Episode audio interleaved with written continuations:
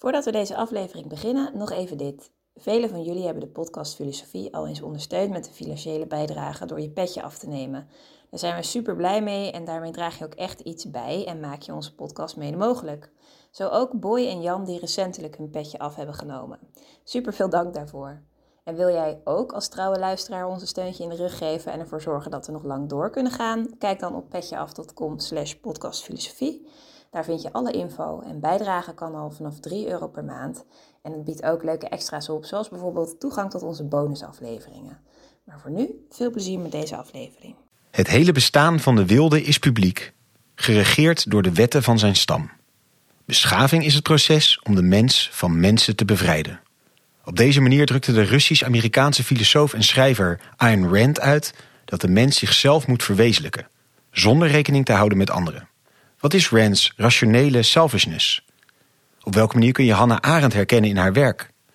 En hoe kan het dat zij zo'n grote impact heeft op de Amerikaanse politiek tot op de dag van vandaag? Over deze vragen en nog veel meer gaan we het de komende drie kwartier hebben. De gast is Hans Achterhuis, de denker die centraal staat, Rand.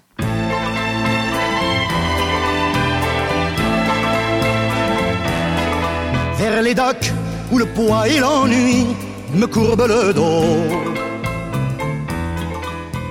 Dag, goed dat je weer luistert naar een nieuwe aflevering van de podcast Filosofie van het Centre Erasme, School voor Filosofie in Zuid-Frankrijk, Vlaanderen en Nederland. Mijn naam is Allard Amelink en het concept van deze podcast is bekend. Een hoofdgast, een presentator en een sidekick. En 45 minuten duiken we in het denken van één filosoof. En vandaag zit naast mij Judith Immink. Klopt, in een heel gezellige werkkamer van onze hoofdgast van vandaag. Hoi Allard. Dag Judith, met een rijk gevulde tafel met zowel koekjes als uh, ongeveer het hele oeuvre van de filosoof die we vandaag bespreken. Um, en tegenover ons uh, inderdaad zit Hans Achterhuis, emeritus hoogleraar wijsbegeerte aan de Universiteit Twente. Ja, even een paar loftuitingen. Volgens Vrij Nederland behoort hij tot de twaalf grootste denkers van Nederland. En de NRC noemde hem bij de denkers die ons wereldbeeld veranderden. In 2011 was hij de eerste denker des vaderlands. En van zijn hand verscheen in 2010 de utopie van de vrije markt over het denken van Ayn Rand. Uh, Hans, mooi dat je bent in de, deze podcast. Ja, spannend om weer naar Ayn Rand terug te kijken, ja. Ja, kijk, precies. Zoveel, uh, 21 jaar na dato uh, duiken we er weer in. Uh, we hebben jou eerder in het eerste seizoen gehoord over Hannah Arendt. En je zei even toen we hier binnenkwamen, je houdt van vrouwen die roken. Ja, uh, mijn eigen echtgenote rookt. Uh, en ook van mannen hoor. Ik bedoel, uh, als je omkijkt zie je hier Camus. Ja. En Camus heeft toch meestal een sigaret in de mond. Ja, precies. Ik weet ook niet hoe dat komt. er is iets tussen dat denken en dat roken. Um, we gaan het hebben over Ayn Rand. Um, zij werd geboren naam Alissa Rosenbaum in 1905 in Sint-Petersburg. Op 21-jarige leeftijd ging ze naar de VS en uh, daar overleed ze uiteindelijk in New York in 1982. Een filosoof en schrijver. Ze schreef twee hele bekende werken, The Fountainhead en Atlas Shrugged. En ze is filosofisch gezien grondlegger van het objectivisme. Um, haar denken had een hele grote invloed op de Amerikaanse politiek. Vooral over de ideeën over de rol van de overheid en de rol van de economie. En Hans, we gaan zo ook even iets uitgebreider al in op haar biografie, omdat het ook wel een belangrijk onderdeel van haar uh, verhaal is. Uh, maar misschien allereerst, hoe komt een schrijfster, Russische schrijfster van oorsprong, met een paar romans tot zo'n gigantische politieke impact? Hoe heeft ze dat voor elkaar gekregen? Um, ja, zij, uh, haar eerste roman, althans die, die een doorbraak voor haar betekende, was The Fountainhead uit 1943 werd wel bekend uh, iets later. Maar die fungeerde toen meteen al in een uh, zeg maar koude oorlogssituatie. Amerika en de Sovjet-Unie. Zij kwam uit de Sovjet-Unie. Um, ze was veel anticommunistisch. Dat droeg ze op allerlei manieren uit. Ook in Amerika. En uh, die roman draait daar niet om. Maar in elk geval, hij kon op die manier gelezen en gebruikt worden. Lofzang op de Amerikaanse... Ja, wat is het... Ze noemt zichzelf de ideale man die ze daar schetst. En haar tweede roman, uh, Atlas Shrugged, gaat heel duidelijk over een uh, kapitalistische utopie die ze vergelijkt en die een succes kan worden volgens haar met een communistische utopie die ze dus totaal neerhaalt.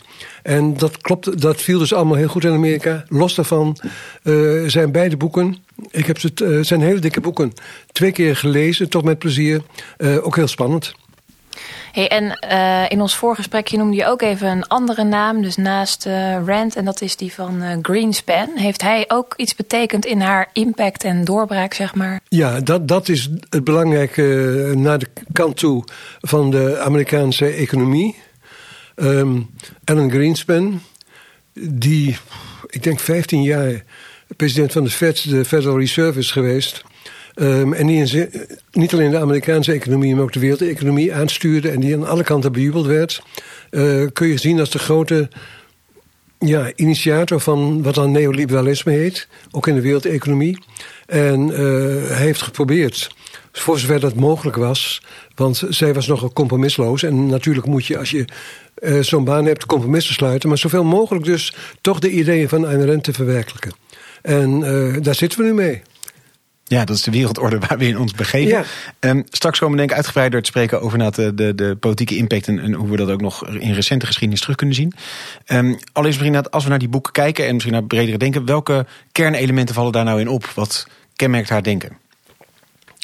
Nou, het meest kenmerkende uh, en wat ook het meest uh, de lezers aanspreekt, zijn haar sterke personages, helden, noemen we maar gewoon helden, die uh, authentiek hun eigen uh, ja, geest, ziel volgen. Uh, zich niet willen laten beïnvloeden door anderen. Dan dat je meelopen, dat noemt zij inderdaad uh, navolgen van anderen, vreselijk. Je moet je eigen weg gaan. En dat schildert ze op een aantrekkelijke manier. Waardoor met name de Fountainhead echt uh, heel veel lezers aantrok. Die allemaal brieven naar Ayn Rand gingen schrijven van... Uh, wat interessant, hoe moet ik mijn leven inrichten met mijn ideeën enzovoort. En, en toen heeft ze gewerkt daarna aan dat dikkere boek, nog dikker dus. Atlas Shrugged. En daarin uh, heeft ze een maatschappijvisie ontvouwd. Die draait rondom een uh, kapitalistische utopie. En een ondergang van de wereld. Dat hoort bijna bij elke utopie. Uh, door de slechte overheid. In dit geval dus communistische, socialistische overheid. Die de zaak, die economie kapot laat gaan. En die uh, kun je dit zeg maar ook een beetje de kern van haar denken noemen? Dus die, die, die, dat, individu moet de vrijheid hebben, moet de ruimte hebben. En er zijn machten die dat proberen in te dammen, of kwade machten die daarin spelen? Of... Uh, ja, er zijn hele kwade machten. Dat is uh, A, de kwade macht van de overheid. ze is wel zo realistisch dat ze nog een overheid wil hebben. Er moet een, toch wel een leger zijn en een politiemacht en dergelijke. Maar zo klein mogelijk. En ze is wat mij betreft uh, ook um, tijdens haar levenstijd speelde Vietnam. Daar was ze fel tegen. Daar moest de overheid zich niet mee bemoeien.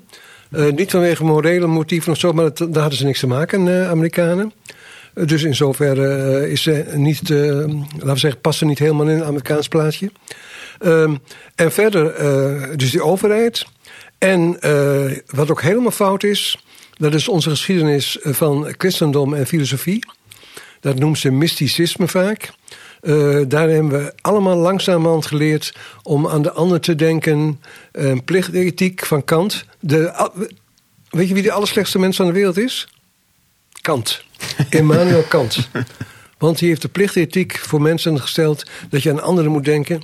Ja, niet dat de Kant goed kent hoor. Maar in elk geval, hij is, dat is heel mooi uit Kant, de slechtste mens van de wereld. Ze wilde breken met twintig eeuwen uh, christendom en uh, filosofie. En een nieuwe filosofie, filosofie vestigen. Waarin mensen uh, hun vrijheden met elkaar inderdaad konden verwerkelijken.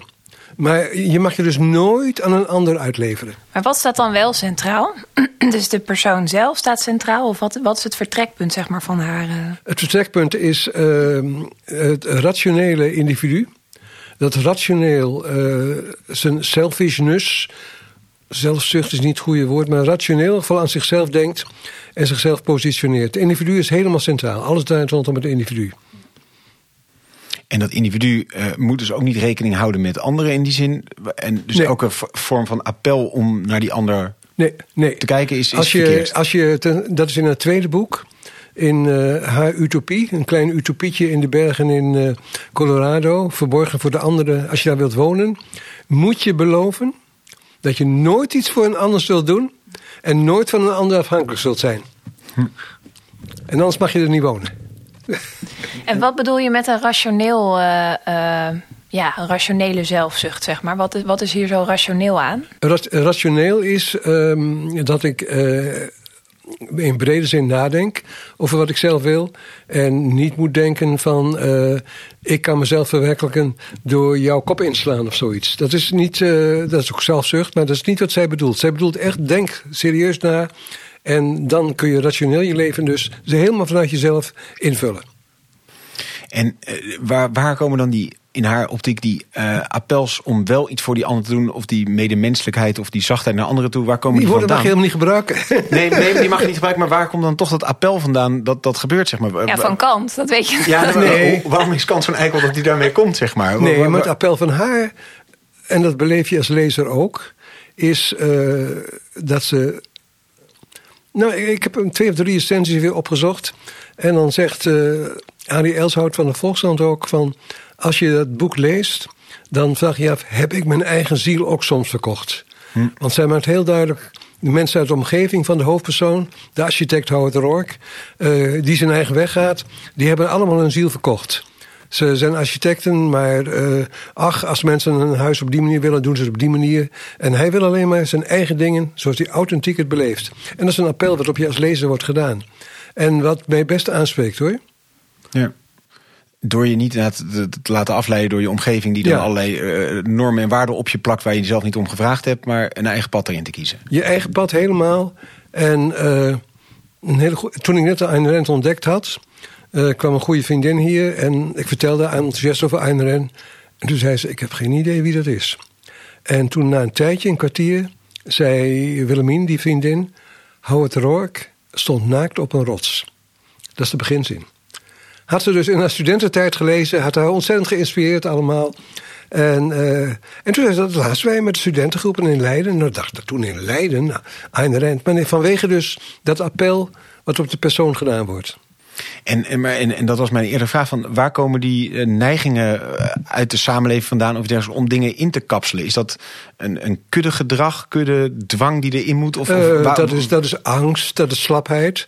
Maar dat is ook twintig eeuwen eh, indoctrinatie door het christendom. Die hele filosofie heeft eigenlijk toch, maar ook natuurlijk de Griekse filosofie, daar staat de medemens ook eh, heeft wel belangrijk. Voor haar is daar geen sprake van. En dat wil ze beëindigen. Ja. En dat is ook het utopische van haar eh, hele inzet. Kijk, elke utopie zegt van... dit is een tijd waar we een breuk willen hebben. Dit is slecht, we willen naar een goede tijd. En voor haar is 20 eeuwen geschiedenis een hele slechte tijd. En met haar begint een nieuwe tijd. ja, zij is de breuk. En er is een Zij nieuwe, is de breuk zelf, ja. ja. En eh, je zegt nou, je moet, wat je noemde, die utopie in die bergen, dan moet je daar dan heen en dan moet je beloven dat je net alleen maar aan jezelf zal denken en nooit iets voor een ander zal doen. Zijn er wel toch soort grenzen aan, bijvoorbeeld toch iets van ja, brokken anderen geen ellende of dat, dat er wel Nee. een soort door het enige nachtwaker staat in de ethische zin is ook zeg Dat maar? komt niet of nauwelijks naar voren. Maar haar grote probleem is natuurlijk de liefde. Ehm, en ook die probeert ze, maar volgens mij slaagt ze er niet helemaal in. Want er zijn eh, nogal eh, wat eh, redelijk seksueel geladen ontmoetingen in haar boeken. Ehm, en dan probeert eigenlijk toch de twee. In elk een, een van de gevallen zegt de vrouw van ja, maar dit was niet goed wat ik heb gedaan. En dan zegt de man, ja nee, maar ik heb gewoon mijn, helemaal mezelf gevolgd. En ik heb niet aan jou gedacht, ik heb aan mijn eigen genot gedacht. En dan denk ik, ja, meestal is het toch wat anders. Maar goed, zij wil het. En da, da, da- daar komt ze dus niet echt helemaal uit. Denk je alleen maar aan je, eigen, aan je eigen genot als je een liefdesrelatie hebt of een huwelijk. Ja, want zij denken ook ergens dus, nou, in de ultieme relatie denk je ook allebei volledig aan jezelf. Ja, je Maar denkt je volledig aan jezelf. aan. Als je dat rationeel doet, dan merk je van... oké, ik heb eh, dus toch eh, veel plezier aan die ander. Je mag wel plezier aan die ander hebben en weet ik wat allemaal dus. Eh, maar je, je blijft jezelf dus eigenlijk centraal stellen. Ja. En dan, zeg je 20 eeuwen ellende. eh, eh, moet alles de prullenbak in? Of heeft ze wel denkers waar ze eh, zegt van nou, daar ging het een tijdje de goede kant op? Of die, die raakt een kern van waar het wel heen moet? Ehm, er zijn twee denkers die ze nog wel... eh, ze, Aristoteles voor, voor haar belangrijk. Maar vooral vanwege zijn logica. Je moet rationeel logisch je leven construeren. En de andere is Nietzsche. Maar Nietzsche heeft met zijn wil tot macht, en het komt dicht bij haar hoor, Nietzsche. Maar eh, heeft hij toch nog te veel eigenlijk eh, toegegeven aan ook zijn discussie met het christendom. En, eh, ehm, maar ook de macht eigenlijk te veel op, op de ander gericht. Terwijl Rens zegt nee, het gaat om helemaal om mijzelf. Ook die grote helden willen helemaal zichzelf zijn. Ze hoeven ook niet rijk te worden. Ze worden rijk als ze toevallig uh, werkzaam zijn. Maar daar gaat het helemaal niet om. Uh, gewoon jezelf verwerkelijken is, is het heel simpele verhaal... waar je dikke boeken over kunt schrijven. Want de meeste mensen doen het niet natuurlijk. Nee, en dat is interessant. Het is niet dat... Uh, het is selfness, selfishness, ja. maar het is niet per se ten koste van anderen. Dus of als in van, het is niet rijk worden omdat de rest niet rijk is? Of uh, die nee, zo'n macht is dat ook nog dat je weer macht over anderen hebt, maar daar gaat het niet om? Nee. Ook daarin is het zeg maar egocentrisch. In dat uh, kleine mini-staatje, die mini-utopie, um, daar uh, zitten een aantal mensen, dat is de plot van het verhaal, die gevlucht zijn uit de Verenigde Staten. De economie stort in elkaar en de grote industriëlen zijn plotseling verdwenen. Heel spannend in het verhaal, waar zijn ze? Nou, die blijken dus in het staatje te zitten. Daar zit bijvoorbeeld een uh, oliebaron. En uh, die uh, is daar ook een bron aan het ontwikkelen. En die heeft volgens mij, ik zeg maar wat hoor, 200 barrels olie per dag. En dan komt uh, Dagny Deckert, per ongeluk daar terecht, de vrouwelijke hoofdpersoon. En die zegt, ja, maar als je in de echte wereld was gebleven... had je wel 2 miljoen per dag kunnen doen. En had je rijk kunnen worden. En zegt hij, nee, ik eh, werk niet voor al die mensen die zelf niet werken. Ik werk alleen maar voor mezelf. En die 200 bells vind ik geweldig als ik die hier zelf produceer voor mezelf. Uh, dat is het. Dus ik ga niet uh, terug naar de wereld om rijk te worden of zoiets. Dat is niet de bedoeling. Ja, het is eigenlijk meer autarkisch dan... Uh, autarkisch. Het wordt ook wel... nou, allerlei woorden naast het libertarisch, um, anarchistisch... op allerlei manieren maar het past er nooit helemaal in. Het objectivisme is toch iets anders dan. Maar het, heeft iets van het anarchisme. Maar anarchisme gaat er ook vanuit van we kunnen ons samen weer, althans de meeste stromingen, verenigen uh, en elkaar versterken bijvoorbeeld. Ja, en dit blijft uiteindelijk allemaal atomaire eenheden. Ja, ja nee, precies. Ja. Het klinkt nu een beetje weer allemaal filosofisch bijna onmogelijk. Maar nogmaals, je moet het in de romans lezen. Hè? Ik bedoel, dan uh, krijgt het in elk geval voor mij de nodige overtuigingskracht. Als ik het boek dicht sluit, weer voorbij. Maar nee. ja. Maar de impact die het heeft gehad, is wel uh, ook economisch, toch? Of, de impact is, uh, slecht woord, als je kijkt via Greenspan, is die ontzettend groot geweest. Uh, Greenspan was ook bij betrokken na de val van de Sovjet-Unie. de Russische economie moest opgebouwd worden. De Russen, Poetin vroeg ook nog zelfs naar, waren geïnteresseerd in uh, Ayn Rand. En communisme moest afgebroken worden, een totaal nieuwe economie opgebouwd. En dan komt Greenspan daar. En die zegt, ja, maar dit kun je toch bijna niet maken? Dit gaat uh, honderdduizend mensen levens kosten. Als je plotseling dus... En dan uh, zei je, ja, maar dat moet. Als je overnight naar, Als naar kapitalistisch systeem zou gaan. inderdaad, heet het communisme weg, boem, kapitalisme. En uh, dan zegt Greenspan, dat kan niet. En dan zeg je, ja, kom nou, als je dat grote doel hebt, moet je er alles voor over hebben. En dan moet je dus op die manier doen. En dat is de impact geweest. Maar in de wereldeconomie is die impact natuurlijk nog veel groter geweest. Omdat Greenspan steeds, en dat was een hoofdpunt... Um, mensen kunnen met elkaar onderhandelen, daar is de markt voor. Dus de markt lost alles op. En dat was het uh, uitdaging van uh, Greenspan. Uh, geen invloed op de markt. Markten moeten zichzelf Totdat uh, de zaken toen in elkaar klapten in elk geval natuurlijk. Ja, want dat is eigenlijk de, dus dan de, de politieke of economische vertaling van uh, haar ideologie. Dat iedereen puur aan zichzelf moet denken. In de markt wordt dat natuurlijk eigenlijk gefaciliteerd. Dat iedereen kan halen en brengen wat hij nodig ja. heeft. Ze vinden het ook heel erg leuk op de markt, die grote kapitalisten. Um, ze zegt tegen elkaar van als we straks in het echt ook aan de slag gaan weer, hè, in de werkelijke wereld, terug in de Verenigde Staten, dan zal ik jou het vel over de oren halen. Concurreren is heel erg leuk. Concurreren is goed, want dan heeft iedereen baat bij het schepbanen en weet ik wat allemaal. Maar daar gaat het niet om. Hè? Het gaat niet om banen, maar het gaat gewoon leuk op de markt zoveel mogelijk uithalen. In een harde botsing. Niet gewelddadig, hè? ze is tegen geweld. Maar harde botsing uh, onderhandelen met elkaar. Dus de markt, alle menselijke relaties bij Rent zijn marktrelaties. En als je dan kijkt naar dat geweld, en ik vind het interessant dat er dus toch een soort uh, grens aan die ethiek is. Dus is wel, geweld is er dan wel tegen. Waar komt dan, als je in een soort nihilistisch, self-centered wereldbeeld zit, toch een grens aan je persoonlijke mogelijkheden? Waarom is er dan toch een grens bij geweld? Ehm, ze vindt dat uh, op de markt rationeel met elkaar onderhandeld moet worden. En uh, als jij door mij uh, op de markt laat foppen, dan is dat jouw eigen schuld. En dan kan ik misschien vanuit mijn eigen achtergrond zeggen... dat is ook een beetje geweld wat dan speelt en dergelijke. Maar voor haar dus niet. Geweld is als ik jou met een pistool dwing om voor mij te werken. Slavernij, daar is er dus wel op tegen. En, en waarom ligt daar dan een grens? Want dat, dat lijkt toch dat je dat. Ja, of is het dat de markt, dat, dat de markt verstoort? Dat kan natuurlijk ook. Hè? Dat het niet zozeer. Ja, omdat er een geloof is. Uh, bij, de vorige, bij de kredietcrisis uh, heeft uh, Greenspan getuigenis afgelegd. Dat moest toen gewoon in het Amerikaans Huis van Afgevaardigden, volgens mij. En dan zegt hij van. en hij meent het volgens hij meende toen ook in elk geval volgens mij. Ik ben zielsbedroefd. Ik heb altijd geloofd dat de markt alles zou oplossen. Hm. En ik ben nu van mijn geloof gevallen. En dan wordt hij natuurlijk doorgezaagd. Van uw geloof is een soort ideologie. Ja, dan geeft hij toe. Ja, maar dat heb ik altijd gedacht. De markt zal alles altijd oplossen. Ja, en geweld is, is het kapotmaken van die markt, is dat niet. Dus je moet wel met elkaar die markt eigenlijk in stand houden. Ja, maar als je het op een goede manier doet, uh, met elkaar goed weet onderhandelen. En nogmaals, dan krijg je definities wat geweld is. Maar het is heel duidelijk, Rent wil dus niet dat je met geweld uh, anderen overhoop schiet of zoiets. Nee. Maar nogmaals, uh, ik vind nog een verschrikkelijke uitspraak van haar hoor. Maar uh, als het gaat over um, Amerika en de kolonisatie van Amerika, zegt ze ja, kijk eens, uh, daar kwamen allemaal witte mensen die ondernemend waren. En ja, die barbariërs Indians, barbaarse Indianen, die konden er niks tegenover stellen. En ze werden dus opzij geveegd door die ondernemende witte. Um, en denk ik altijd, ja, hé, hé, als je naar het gezins kijkt, zie je heel veel geweld op dat punt. Maar dat, dat ziet ze dus helemaal niet.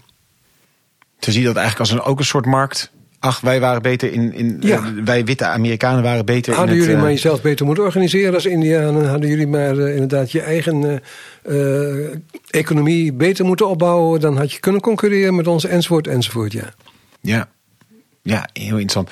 In hoeverre, we zijn al even, misschien is die biografie nog wel iets interessant om iets meer over te horen. Ze gaat dus op vrij jonge leeftijd van de Sovjet-Unie naar Amerika. Dit klinkt natuurlijk ergens ook als een soort grote afrekening met het extreem onvrije uh, wereld waar ze uitkwam. Ja, ja. nee, dat is uh, voortdurend um, de afrekening. Een zinnetje van uh, Marx van, over de communistische utopie. Ieder naar zijn, wat is het, begint met behoefte, ieder naar zijn behoefte en ieder naar zijn bekwaamheden. Zo zullen we samen leven. Ja, dat vindt ze de meest feestelijke uitdrukking. Dus dat je aan de behoeften van andere mensen denkt. En dit gaat alleen om die bekwaamheden. En ze laat zien hoe in Amerika, in het, haar verhaal, in een fictieverhaal, fabrieken ten onder gaan.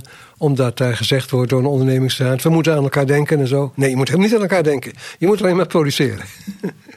En, en uh, hij komt vaker terug daarmee. Is het ook een uh, dit is zeg maar allemaal nog op, op een soort staatsniveau. Gaat het ook over persoonlijke ervaringen van Knel? Want dat, dat vind ik ergens wel mooi wat je zegt aan de fouten net. Het is ook ergens wel inspirerend van het je liet, niet laten beknotten, maar ja. vrij leven. Uh, ik bedoel, dat kan, hoeft niet alleen communistische regime te zijn, maar in allerlei beknellende situaties kan dat natuurlijk zijn.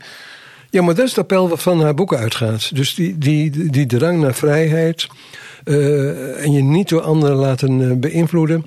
Helemaal recht op je doel afgaan. En uh, natuurlijk botsen met elkaar, dat hoort erbij. Maar uh, dat kun je rationeel doen, vindt zij. En de grote industriëlen hebben allemaal, uh, althans in haar boeken... de verdiensten dat zij hun eigen fabrieken hebben opgebouwd. Dat zeg ik weer natuurlijk, alsof er geen arbeiders zijn die ook werken en weet ik ja. wat. Maar uh, nogmaals, het appel wat van die boeken uitgaat op mensen. En daarom is ze ook zo populair, denk ik.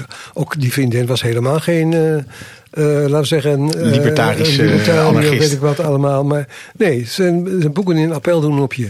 En dat toneelstuk wat Amsterdam toneel toen heeft gespeeld. Ja, dat, uh, Want die hebben de Fountainhead op, op uh, De Fountainhead was echt uh, fantastisch. ik, bedoel, ik heb het ook gezien en uh, dat liep uh, ook. Hebben ze gespeeld, ze hebben het overal gespeeld. en da- dat ging los van de politiek, hè? want ik heb toen ook gezegd in mijn inleiding van... De Fountainhead gaat niet over politiek, dat is het volgende boek. En eh, kijk maar gewoon naar het appel van een eh, heel vrij persoon, een kunstenaar doet op andere mensen, op te lezen. Je noemde net al even het, het objectivisme. Dat is dan de, de filosofische, filosofische stroming die eruit voortkomt. Zit dat allemaal in die boeken al besloten? Of is dat wel echt iets extra's wat ze daarna doet, die filosofische stroming Eh, nee, het zit in de boeken besloten. Ehm, allebei die grote romans hebben af en toe een eh, toespraak van de hoofdpersoon. En eh, die legt daar netjes uit hoe eh, de filosofie in elkaar zit op grond waarvan hij eh, handelt. Dat is En dan moet ik meteen heel eerlijk- spontaan Heel verhaal komt er dan los ja, van. eh, nou, het valt dan mee hoor. De, de ene is ehm, in ehm, Atlas Shrugged. Dan zal de Amerikaanse president een toespraak houden. Het land staat aan de rand van de afgrond. Hij zal zijn volk toespreken. En dan wordt hij gesaboteerd. En dan spreekt de hoofdpersoon van het boek, John Galt, de redder.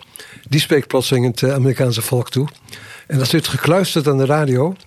Eh, maar hij spreekt wel 70 pagina's lang. en eh, ik moet eerlijk zeggen, ik heb het, dat heb ik bij de tweede lezing overgeslagen. en dus het is wel functioneel. Dat past wel in het verhaal. Maar een toespraak van 70 pagina's, dat heeft Lenin of Fidel Castro volgens mij nooit gehaald. en, en dat, in het andere boek, The Fountainhead, wordt de hoofdpersoon aangeklaagd.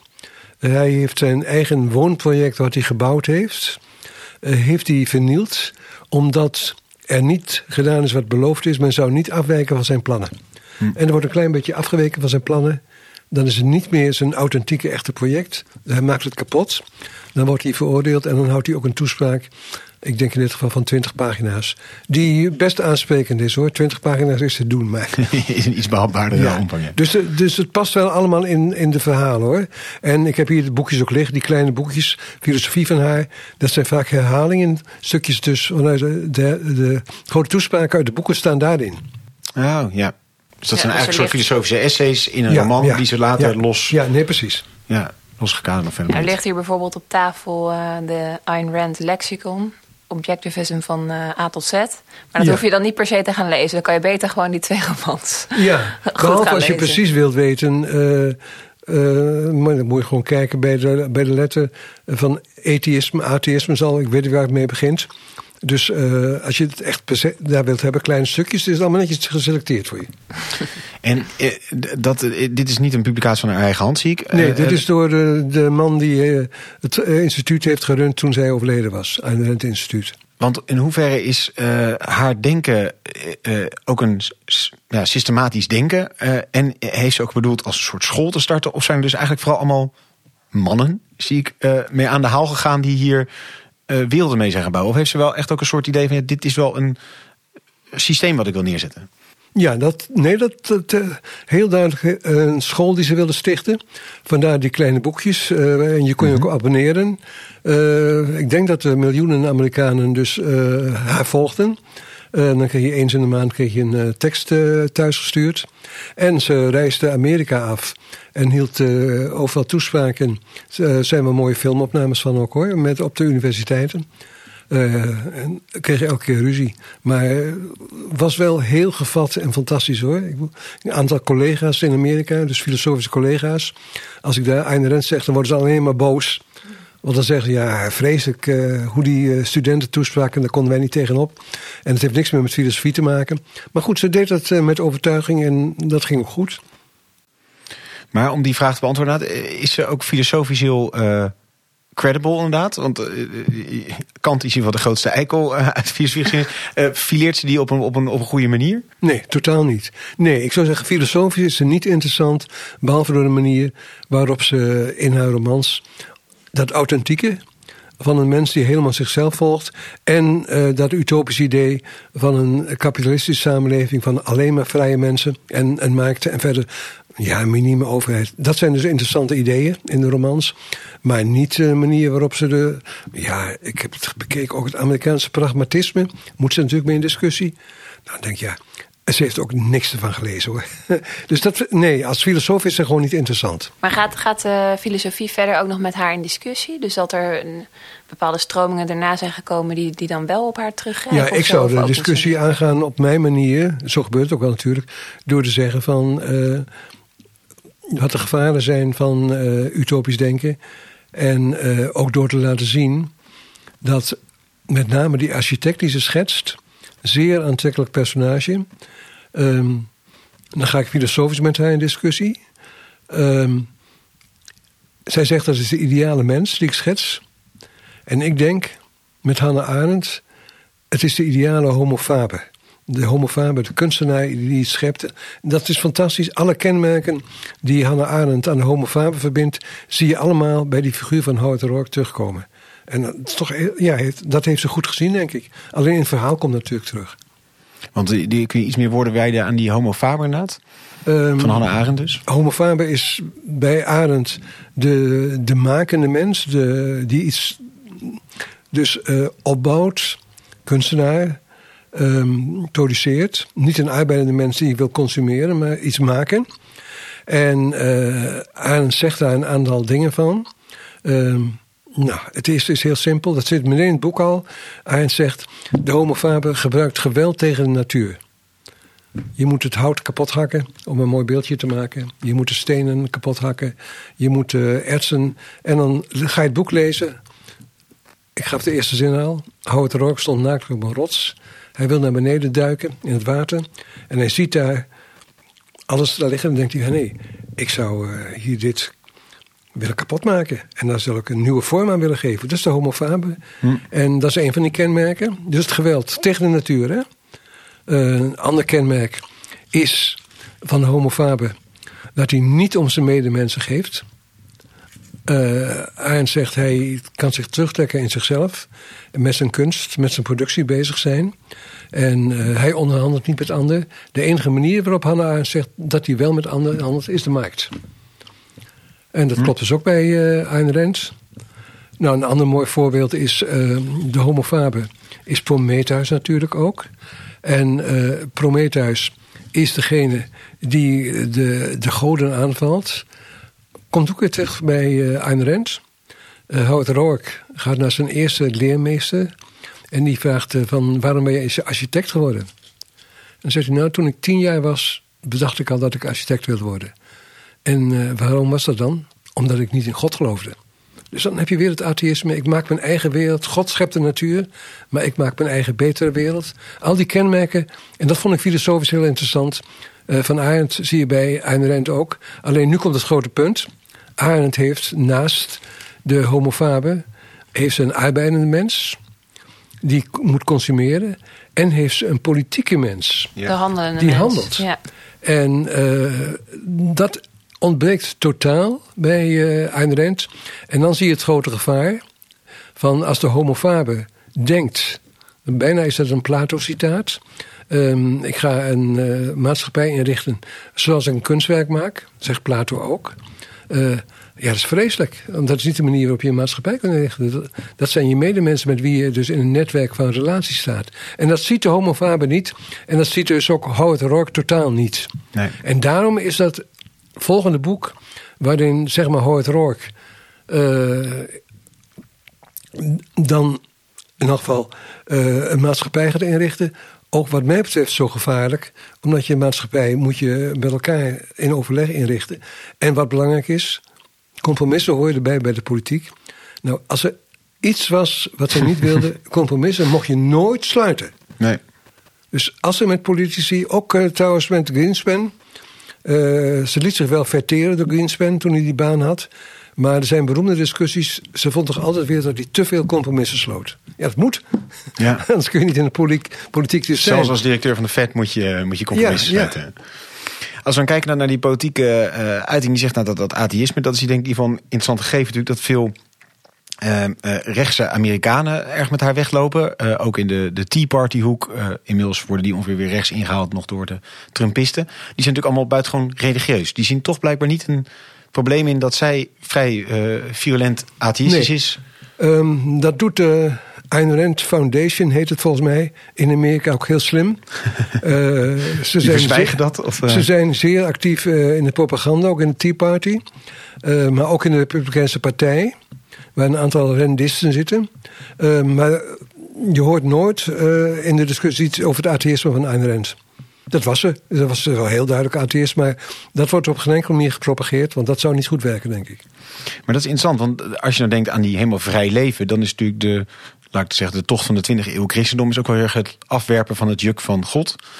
Eh, de belangrijkste persoon om je mee rekening te houden, 20 eeuwen lang, zeg maar. Het, maar dat, dat deel wordt politiek gezien aan die vleugel in Amerika. Dus eigenlijk weer dat juk wordt weer opgenomen, om het bijbels te Ja, zeggen. wat, wat ze doen is eh, ontleend aan het socialisme zeggen in Europa.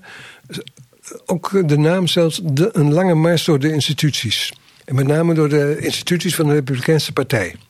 Ehm, ja, en daar moet je niet komen natuurlijk met... eh, nummer één is, ze was atheïste. Nee. Nee, dus dat wordt niet ontkend hoor. Maar eh, speelt geen enkel, eh, of het heeft geen enkel belang in de propaganda. Hey, Allard, jij eh, noemde net al eventjes Trump en eh, de Trumpisten. En toen, eh, toen we elkaar voor de opname heel even kort spraken... toen had je het ook nog over de toespraak die Trump had gehouden. eh, toen hij president Ja. werd, geloof ik. Hè? En dat Ja. je daar bepaalde parallellen in zag. Dus misschien leuk om dat ook nog even te benoemen. Ja, ik. Trump hield een hele gekke toespraak toen hij president werd. Want hij begon eerst met een kwartier lang te vertellen hoe slecht het met Amerika ging. De fabrieken sloten, er was geen werk meer en weet ik wat. En eh, dat was heel gek. Eh, en eh, daarna eindigt natuurlijk van... maar ik zal alles veranderen. Over vier jaar zal iedereen zeggen... Make America Great Again. En dat zal ik gedaan hebben. Dat is de opbouw van het boek van Ayn Rand. En die toespraak is ongetwijfeld ook... tot en met citaten die eruit komen... door anderen ook grotendeels geschreven. Want de lijn van het boek is... eh, Amerika gaat ten onder, een dystopie. Eh, alles gaat mis. Eh, de wegen gaan kapot. De belangrijke brug voor de aanvoer over de Mississippi gaat kapot. Ehm, en dan eindigt het boek met John Galt en de mensen die ehm, dan Amerika weer opnieuw kunnen opbouwen. En dan zit er dus een weer prachtig beeld in. Het eindigt ermee dat John Galt, de hoofdpersoon, naar New York vliegt. En dan ziet hij het eh, verwoeste land, want Amerika is verwoest. En dat is een verwijzing naar eh, Genesis. De aarde was woest, Woest en en ledig. ledig, ja. En dan eindigt het dat hij eh, boven de verwoeste en ledige aarde het teken maakt, dat is het laatste woord, van de dollar. en ja, dat is een nieuwe schepping die eh, daar ontstaat dan. In, in het begin was het geld, zeg maar. Is een beetje In het de- begin, de- en, en de dollar. de- een van de redenvoeringen is een redenvoering van, ik denk, vijf, zes pagina's. Is een lof van het geld. Lof van het geld dat mensen vrij maakt. Dus het geld, de dollar, is, eh, gaat het nieuwe land bepalen, ja. Maar de verwijzingen zijn duidelijk. Ja. En in, bij Trump is het ook Trump. En dan eh, geef ik aan de rent de voorkeur boven Trump. Trump eindigt natuurlijk zijn reden, maar hij kon niet anders, dat, eh, dat God hem mogen helpen. ja. Ja, nou, dat vind ik. eh, wees dan maar niet hypocriet. Ayn Rand was in ieder geval niet hypocriet. Nee, nee, precies. Nou, voor de rest is het schema van dit dikke boek dat hij gebruikt heeft. En allerlei mensen riepen: hoe kan dat nou een president die begint te vertellen hoe slecht het met zijn land allemaal gaat? Dat past helemaal niet bij de inogene reden. Maar ze hebben niet gezien dat schema eigenlijk van gemodelleerd was. komt. Ja, Ja. ja. En hoe kun je verder nog die politieke impact van haar vertalen? Want eh, is het te veel gezegd dat eh, via Rand, via eh, Greenspan... uiteindelijk dat hele nieuwe neoliberalisme de wereld ingekomen is? Was het er zonder haar niet gekomen of, of overdrijven dan Ja, ongetwijfeld was er wel via een filosoof, als een economus Hayek, Ja. toch behoorlijk eh, ook gekomen. Die het Die ook net over dat afwerpen van slavernij, van eh Ja. overheidsbemoeienis. zo Precies, dat, Ja. dus het was er wel gekomen. Maar ik denk niet op de felle manier eh, zoals Ayn Rand het heeft gedaan. En ik vind het ook typerend. Rutte was net premier bij ons. Toen is er een boekje over liberale filosofie verschenen. Waarin Ayn Rand een belangrijke rol kreeg toebedeeld. En eh, Mark Rutte schreef daar het voorwoord voor. En zei dat hij zo blij was dat eh, voor het eerst nou in Nederland ook Ayn Rand als liberaal kopstuk werd erkend. Nou ja, dan denk je, hallo. Ja. Daar hebben we wel mee te maken gehad in elk geval de laatste tijd. En denk je nog dat ze, is in die zin, uh, uh, is haar erfenis stanende? Uh, er zijn nog steeds rendisten, zei jij al voordat we, toen we elkaar vooraf spraken. is ze minder populair? Zo, ik denk niet dat Rutte nu nog snel misschien Ayn Rand zou prijzen. Omdat ook kritiek op neoliberale samenleving, et cetera, steeds krachtiger wordt. Ja, maar ik Doorgeslagen marktwerking, et cetera. Dat zijn natuurlijk allemaal wel een beetje de... Ja, ik weet het niet. Uh, dat volg ik nog wel. Ik vind het leuk altijd om te kijken wat mensen over Ayn Rand zeggen. Maar na die eerste uitspraak van hem dat hij zo blij was dat Ayn Rand nu ook in de liberale kanon zat, heb ik niks meer van hem in elk geval daarover gehoord. En de, de, groepen die met haar bezig zijn, zijn toch vooral Amerikaanse groepen. Ik ben in het begin wel bij Nederlandse objectivisten geweest. Heel veel onderlinge ruzie ook uh, vaak. Of je haar wel goed interpreteert of niet. Dat zie je vaak in kleine sectes. Maar die zijn hier niet belangrijk. Um, er is wel met haar sommige van haar ideeën geflirt natuurlijk. Maar niemand noemt zich eigenlijk, uh, ook Thierry Baudet, zo noemt zich geen objectivist in elk geval. Nee, precies. Interessant. Het is, ik vind het een wonderlijke erfenis. Het is namelijk dus net een, ja, enerzijds dus romans, tegelijk de grote politieke impact, tegelijkertijd niet een extreem uitgewerkt politiek denken, maar wel een heel duidelijke, ja, meer haast een soort impuls is het of zoiets. Ja, ik denk dat zij heel belangrijk is. Um, omdat ze op een bepaalde manier de moderne neoliberale mens schetst. Ja. Er wordt vaak gezegd, uh, in de oude Sovjet-Unie had je de Sovjetmens. Die op een bepaalde manier voor algemeen was. Uh, ik denk dat zij de hele. En op die manier is ze ook aangepakt door de Belgische Vlaamse psychiater Paul Verhagen. Mm -hmm. Die ook zei van hé, hey, bij Rand vind ik precies de mensen die ik ook op mijn uh, divan krijg. Ja. In en, die uh, eindeloze ja. optimalisatiegedachten. ja, uh, de Bijbel wordt nog het meest gelezen in Amerika. Maar daarna is het uh, Atlas Shrugged, het meest gelezen boek. En die worden met 10.000 verspreid op de high schools door de Rand Foundation. Um, ook in Amerika is er weinig publiek geld op scholen. Uh, scholen krijgen gratis het boek toegestuurd. Met de enige vraag: degene die het boek lezen, moeten een opdracht over maken. Hm. Dus uh, heel veel Amerikaanse kindjes worden nu met Ayn Rand weer opgevoed. Ja. Ja, wonderlijk. Dankjewel uh, Hans. Ontzettend interessant verhaal over uh, Ayn Rand. Um, filosoof en schrijver inderdaad. Uh, twee beroemde boeken. The Fountainhead uit 1943. Een boek wat ehm, ontzettend goed aansloeg. Omdat het in het licht van de Koude Oorlog werd gelezen. Het is zeker als fel anticommunistisch te lezen. Omdat het een beetje een soort ideaal schetst. Een lofzang geeft van die ideale Amerikaanse man. Die los van alles doet wat hij wil doen en zijn eigen pad kiest. En later opvolgt door het boek, de tweede beroemde roman van haar, Atlas Shrugged, waarin ze een kapitalistische en een communistische uh, utopie tegenover elkaar zet. En ja, de een faalt compleet en de kapitalistische uh, pakt zeer goed uit. Um, ze als we nou kijken naar haar, die, die romans, zien we daar een paar bepalende elementen in. Allereerst dat er telkens sterke helden zijn. Authentiek, die hebben een eigen geest. Die staan helemaal voor niets anders open dan hun eigen uh, over, uh, overtuigingen. Ze lopen niet mee. Uh, en dat is eigenlijk een heel aantrekkelijk beeld van, een, van iemand die zijn eigen pad kiest. vrij van alle dingen die hem weerhouden. En daartegenover staat een, een slechte overheid die ja, dat eigenlijk allemaal probeert in te dammen. Die daarin de held tegenhoudt. Een omgeving die die held tegenhoudt. Um, Rand is niet helemaal tegen een overheid, is in die zin niet helemaal uh, anarchistisch. Uh, enige vorm van leger en politie moet wel zijn als een nachtwaker staat. Um, maar daar trekt ze dus veel van leer tegen zo'n overheid die zo betuttelt.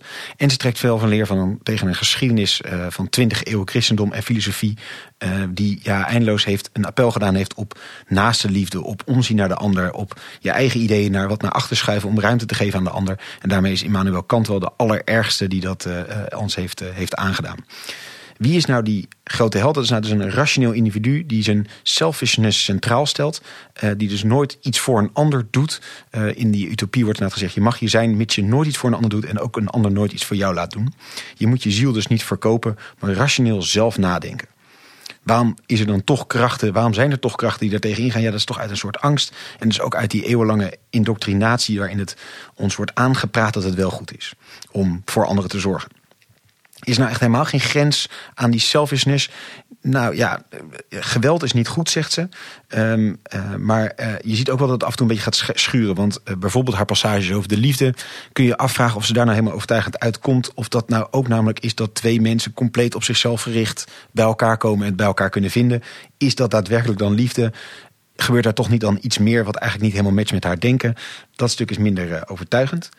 Wil ze nou twintig eeuwen na het filosofie en christendom helemaal alles in de prullenbak gooien? Nou, Aristoteles vindt ze nogal goed op basis van de, de, van de rationaliteit die hij uh, meebrengt. Dus het rationeel zijn uh, pitsen daar deels uit. En iets van Nietzsche met de wil tot macht lijkt er ook wel in te zitten. Tegelijkertijd is het interessante dat dus dat die wil tot macht nog heersen over anderen is. Maar hier, het is bij Rand wel echt principieel egocentrisch. Het gaat dus ook niet per se over heersen over anderen, maar gewoon echt compleet je eigen lijn kunnen kiezen um, en daar helemaal vrij zijn van anderen. Kijken we dan naar die um, vertaalslag naar de markt en de, de economie en de politiek. Dan zien we dat uh, Alan Greenspan dus een belangrijke rol vervult. Um, die uh, als directeur van de Fed uh, ja, ook de mogelijkheden had om een deel van haar denken in praktijk te brengen.